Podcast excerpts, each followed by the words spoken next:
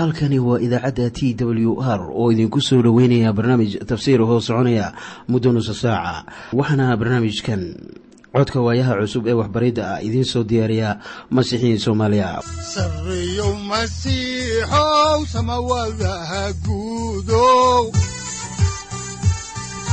Siraadkii adduunkow subanaha eebow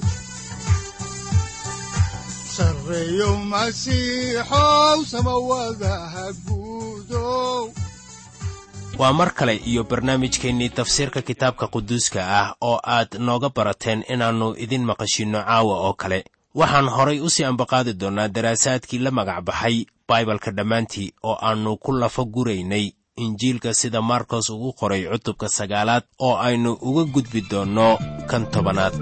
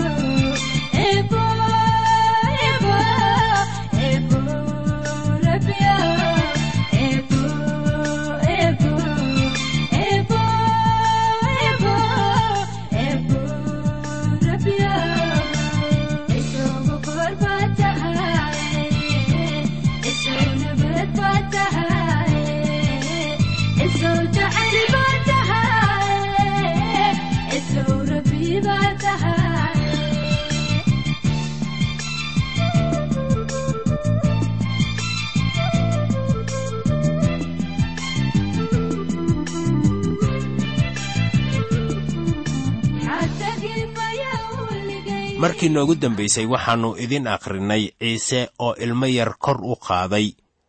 Dabeetana sheegaya qaynuunka wanaagsan ee ilmaha yar.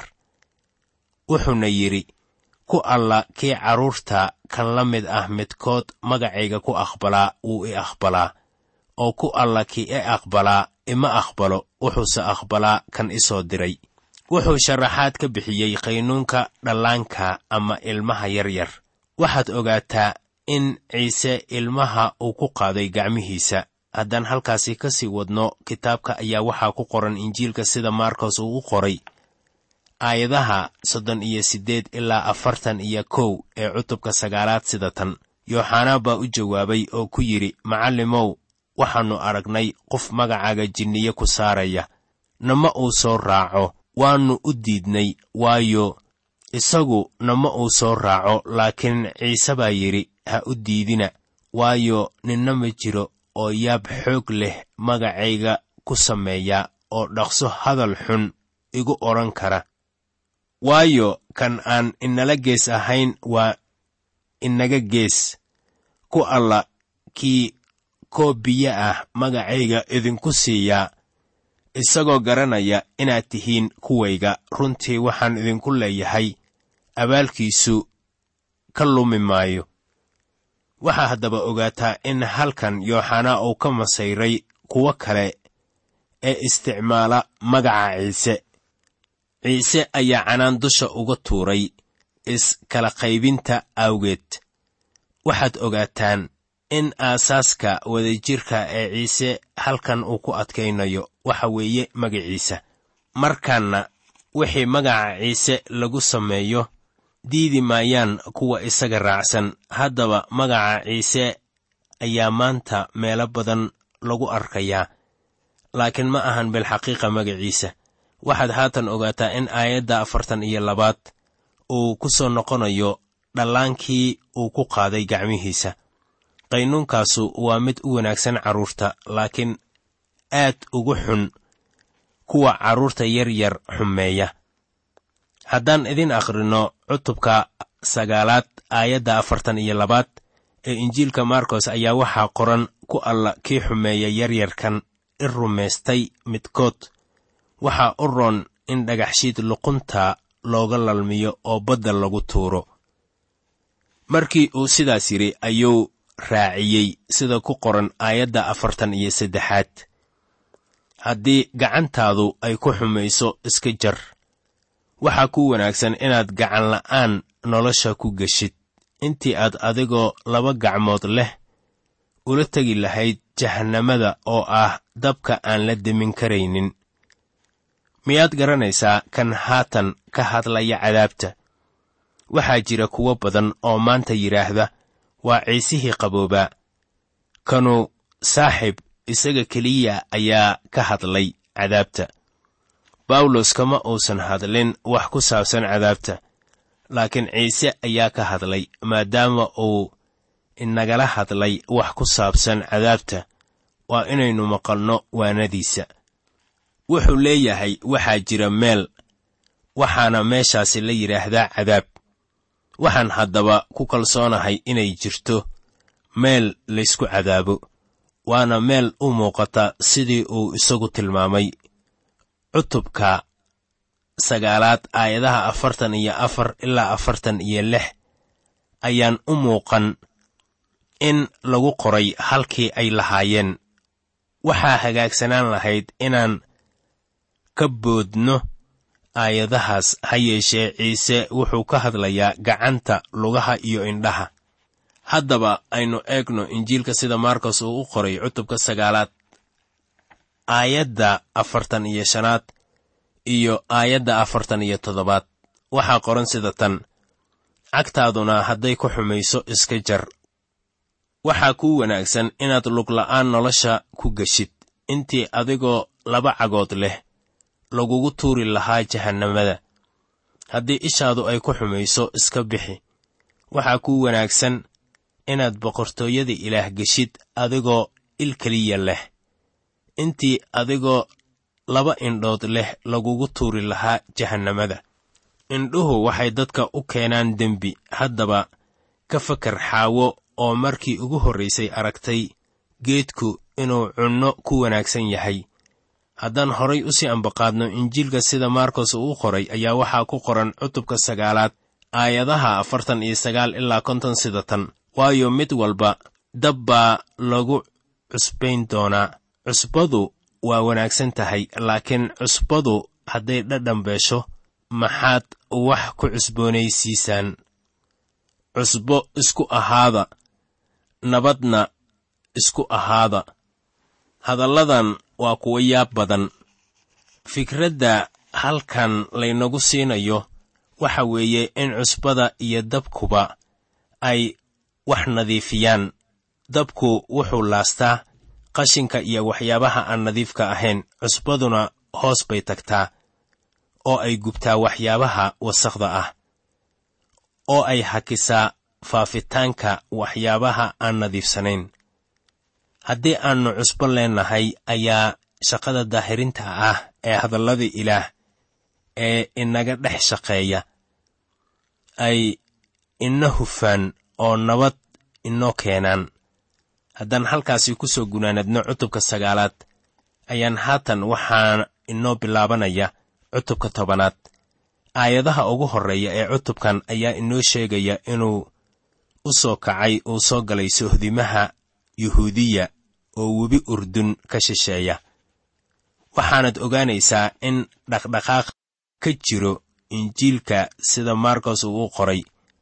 Bilxaqiiqa qariidada ku qoran injiilkan markos waa mid xiise leh.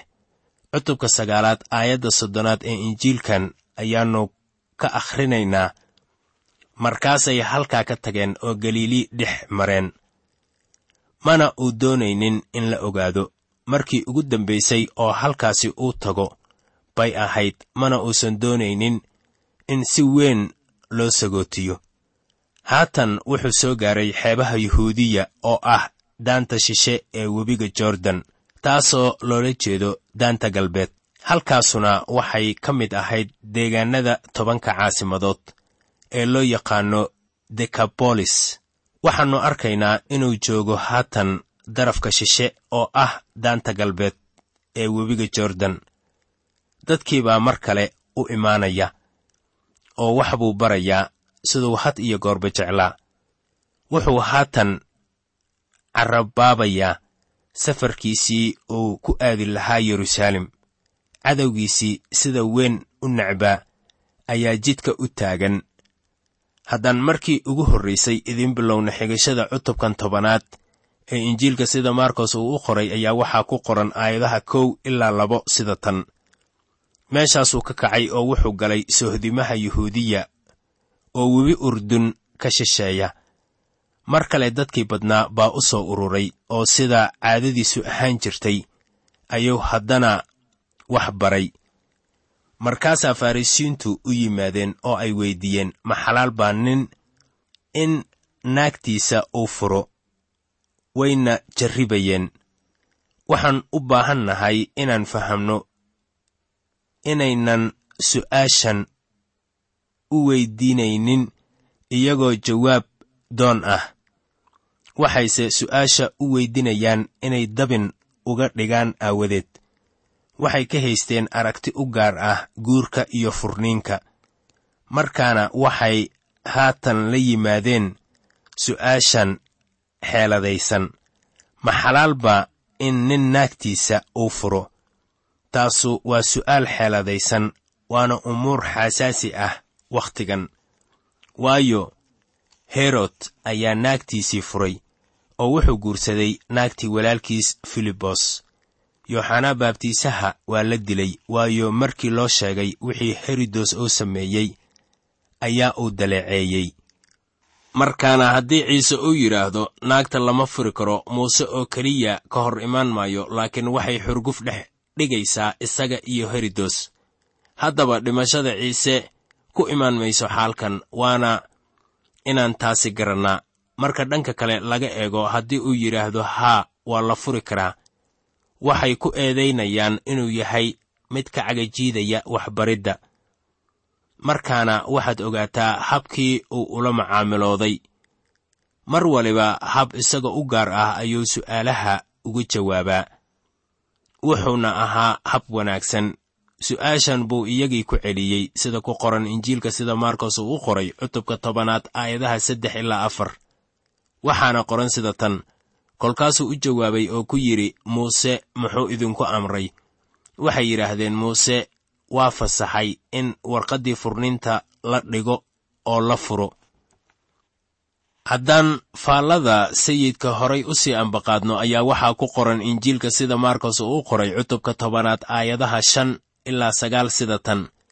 Ciisena wuu u jawaabay oo ku yidhi qalbi engegnaantiinna aawadeed ayuu amarkaa idinku dhigay. Laakiin tan iyo bilowgii abuurniinta ilaah wuxuu sameeyey lab iyo dhedig sababtaas aawadeed nin wuxuu ka tegayaa aabbihiis iyo hooyadiis oo wuxuu la joogayaa naagtiisa. Labaduba waxay noqonayaan isku jir. Sidaa darteed haatan iyagu laba ma aha laakiin waa isku jir. Haddaba wixii ilaah uu isku xidhay ninna yaannu kala furin.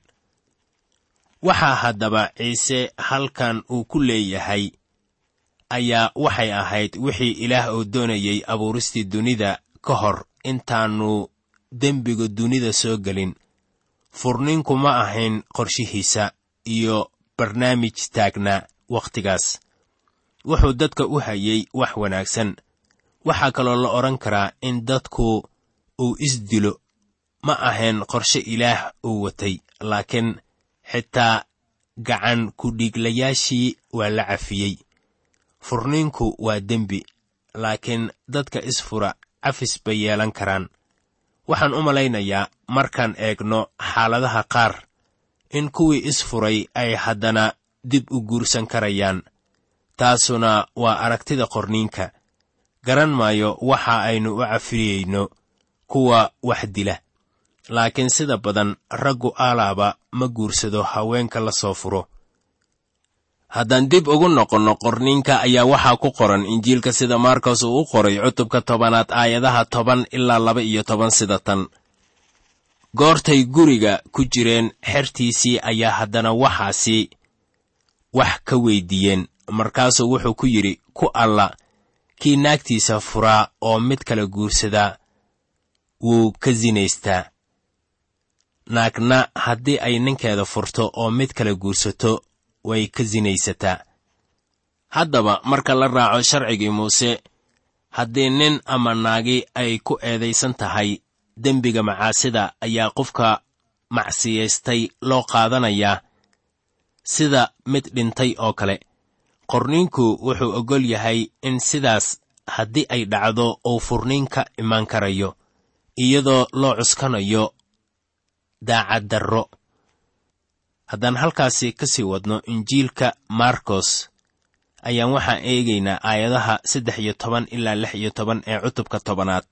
Waxaana qoran sida tan ilmo yar yar ayay u keeneen inuu taabto xertuna way canaanatay laakiin ciise goortuu arkay waa carooday oo wuxuu ku yidhi ilmaha yar yar daaya ha ii yimaadeene hana diidina waayo kuwan oo kale ayaa ka mid ah boqortooyadii ilaah. Runtii waxaan idinku leeyahay ku alla kii aan boqortooyadii ilaah u aqbalin sida ilmo yar oo kale. Meeshaas ma uu geli doono. Gacmihiisuu ku qaaday oo intuu calaacallihiisa saaray ayuu barakadeeyey haddaan halkaasi ka sii wadno ayaa waxaan ka akhrinaynaa aayadaha toddoba iyo toban ilaa siddeed iyo toban sida tan. Goortuu jidka u soo baxay mid baa ku soo orday oo intuu jilbo joogsaday ayuu weyddiiyey uu ku yidhi macallin wanaagsanow maxaan sameeyaa inaan nolosha weligeed ah dhaxlo. Ciise wuxuu ku yidhi maxaad iigu yeedhaysaa wanaagsanow mid wanaagsanu ma jiro mid maahee kaasuna waa ilaah innagoo halkii ka sii wadaynaa ayaan waxaan haddana eegaynaa aayadaha sagaal iyo toban ilaa labaatan. Waxaa qoran sida tan. Qaynuunnada waa taqaan waa inaanad sinaysan waa inaanad qurgoyn waa inaanad waxba xadin waa inaanad marag been ah furin waa inaanad waxba dulmin. Aabbaha iyo hooyadana maamuus wuu u jawaabay oo ku yidhi macallimow kuwaas oo dhan tan iyo yaraantaydii ayaan dhowrayey qaybta koowaad ee amarada waxay ku saabsan tahay xidhiirka dadka ay la yeelanayaan ilaah. Haddaan halkaasi ka sii wadno ayaa waxaa ku qoran aayadaha kow iyo labaatan ilaa laba iyo labaatan sida tan. Markaasaa ciise intuu eegay jeclaaday uu ku yidhi wax keliyah ayaa kuu dhiman. Tag oo iibi waxaad haysatid oo dhan oo masaakiintana sii oo waxaad jannada ku lahaan doontaa maal ee kaalay oo isoo raac. Hadalkaas ayuu ka qullubay wuuna baxay isagoo calool xun waayo wuxuu ahaa mid waxyaalo badan leh. Ciise wuxuu ninkii u sheegay hal maaddo. Maxay taasu ahayd? Waa maaddada qusaysa xidhiirka uu ilaah la yeelanayo. Haddaba waxaa isaga hor joogay waxay ahayd maalkiisa faraha badan haddaan halkii ka sii wadno ayaa waxaa ku qoran aayadaha saddex iyo labaatan ilaa shan iyo labaatan sida tan.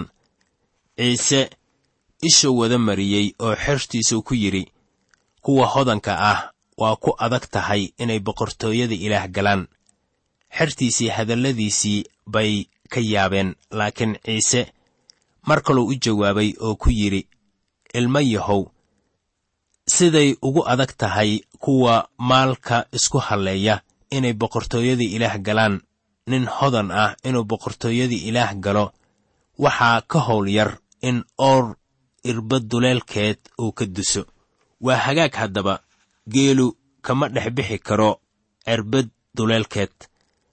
Markaan xaalka u egno bini'aadan ahaan waa waxaan macquul ahayn in oor uu ka duso erbed duleelkeed.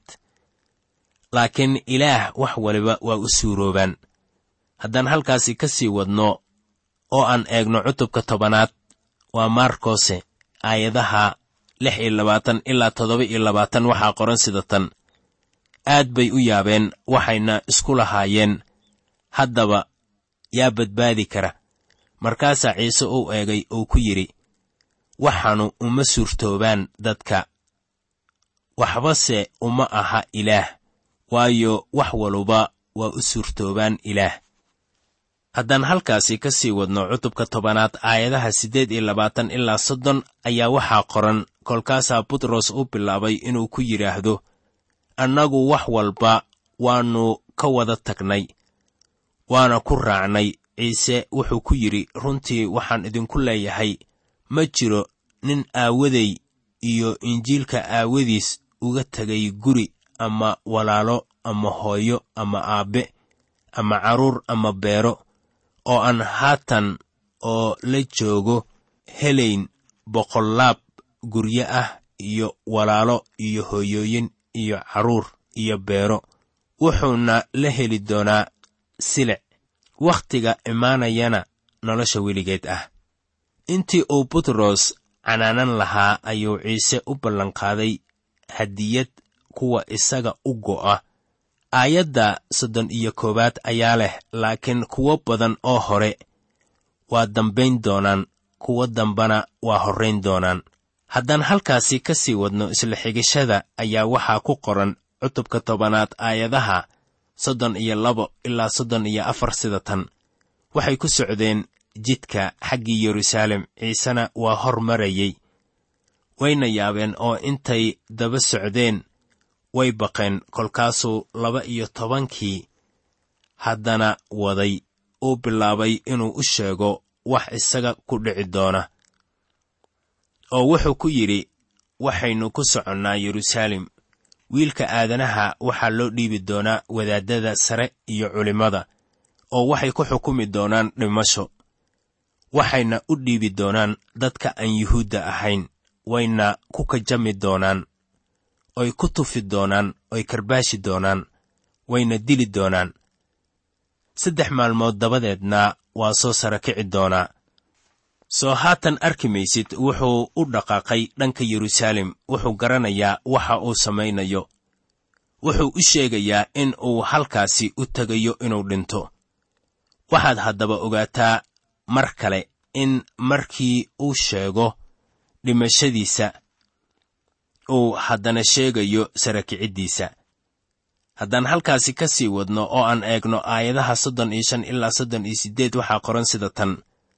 Waxaa u yimid yooxanaa iyo yacquub oo ahaa wiilashiisa beddi oo waxay ku yidhaahdeen macallimow waxaannu doonaynaa inaad noo yeeshid wixii aannu weyddiisanno. Wuxuu ku yidhi maxaad doonaysaan inaan idin sameeyo waxay ku yidhaahdeen nasii inaannu fadhiisanno mid midigtaada kii kalena bidixdaada xaggii ammaantaada. Laakiin ciise wuxuu ku yidhi garan maysaan waxaad weyddiisanaysaan. Ma karaysaan inaad ka cabtaan koobka aan ku dhowahay inaan ka cabo iyo in laydinku baabtiiso. Baabtiiska laygu baabtiisay. Haddaan halkaasi ka sii wadno injiilka sida maarkos uu u qoray ayaa waxaa ku qoran cutubka tobanaad aayadaha soddon iyo sagaal ilaa afartan sida tan. Waxay ku yidhaahdeen waannu karaynaa. Markaasaa ciise uu ku yidhi koobka aan ka cabayo waad ka cabi doontaan oo baabtiiska laygu baabtiisay waa laydinku baabtiisi doonaa laakiin inaad midigtayda iyo bidixdayda fadhiisataan. Anigu melihi inaan idin siiyo laakiin waxaa la siin doonaa kuwa loo diyaargareeyey. Haddaba waxaannu garanaynaa in yacquub uu noqday shahiid yooxanana waxaa loo masaafuriyey jasiiradda batmos in kastoo aynan rumaysnayn inuu shahiid ahaa ayaa isna laga yaabaa in la dilay. Sayidkeenna ma odhan midigtiisa iyo bidixdiisa wax jaga ah kama bannaana waxaase uu yidhi jegadaas lama siin karo qof waliba ee uu doonayo laakiin kuwa jegadaas qaadanaya waxa weeye inay howl u galaan. Saaxiib waxaad hadiyad ahaan u helaysaa jannada laakiin booska aad jannada ku yeelanayso waa inaad u shaqaysaa. Nabaaddiinnada waa xor laakiin waxaannu innaga oo dhan u shaqaynaynaa hadiyad haddii aad doonayso in sayidku uu ku abaalmariyo ciyaar ciyaar ku heli maysid balse waa inaad u shaqaysaa. Haddaan halkaasi ka sii wadno ayaa waxaa ku qoran aayadda afartan iyo koowaad sida tan. Waa cutubka tobanaade. Tobankii goortay taasi maqleen waxay bilaabeen inay yacquub iyo yooxanaa u caroodaan. Haddaba waa loo carooday waayo waxay doonayeen jagada ugu wanaagsan. Markanna sayidku waa inuu baraa qaynuun kale. Haddaba habka dunida ay isticmaasho ma ahan habka ilaah uu isticmaalo. Haddaan halkii ka sii wadno xigashada injiilka ayaa waxaa ku qoran cutubka tobanaad aayadaha afartan iyo labo ilaa afartan iyo afar sida tan. Laakiin ciise baa u yeedhay oo ku yidhi idinku waad garanaysaan in kuwa loo malaynayo inay qurumaha madaxdooda yihiin ay u taliyaan oo kuwooda u waaweynna ay xukun ku leeyihiin laakiin sidaasu dhexdiinna ma aha. Laakiin ku alla kii doonaya inuu dhexdiinna u weynaado mididiinkiinna waa inuu ahaado. Oo ku alla kii doonaya inuu idin horreeyo kulli waa inuu addoon u ahaado. Habka ilaah waxa weeye in uu qaato kuwa is-hoosaysiiya oo addoommo heeryadooda qaato kuwaasaa madaxda noqonaya. Duqa nabadoonka ah waa inuu qaadun dadkoo dhan u ahaadaa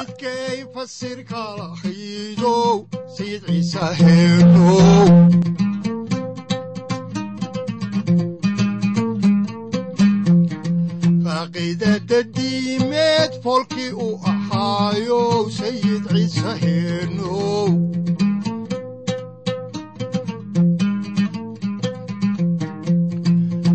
fartiisa masiixan falxumana saarinow sayid ciise heenow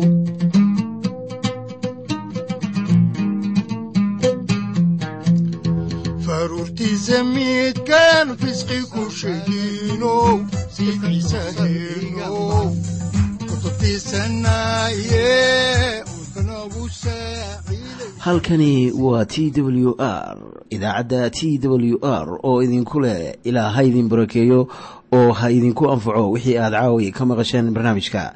Waxaa barnaamijkan oo kalea aad ka maqli doontaan habeen dambe hadahan oo kale haddiise aad doonaysaan in aad fikirkiina ka dhiibataan wixii aad caawi maqasheen ayaad nagala soo xiriiri kartaan som t w r at t w r c o k e haddii aad doonaysaan in aad dejiisataan oo kaydsataan barnaamijka ama aad mar kale dhegaysataan fadlan mar kale booqo www t w r o r g amase waxaad teleefoonkaaga ku kaydsataa ama ku download garaysataa agabyada ku sahli karaa dhegeysiga t w r haddii aad doonayso in laga kaalmeeyo dhinacyada fahamka kitaabka amase aad u baahan tahay duco fadlan fariimahaaga soo mari bogga aaraahda ama kommentska inana jawaab degdeg ah ayaanu ku soo diri doonaa amase ku siin doonaaye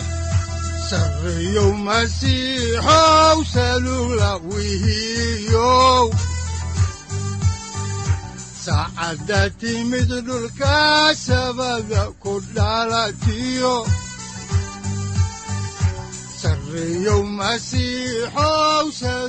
halkani waa t w r oo idiin rajaynaya habeen baraare iyo barwaaqaba leh. Inta aynu ka gaari doono wakhti aynu ku kulanno barnaamij la mida kan caawayay aad maqasheen. Waxa aan idinku leeyahay nabadda ciise masiix ha idinku badato xagga jidhka iyo ruuxaba. Aamiin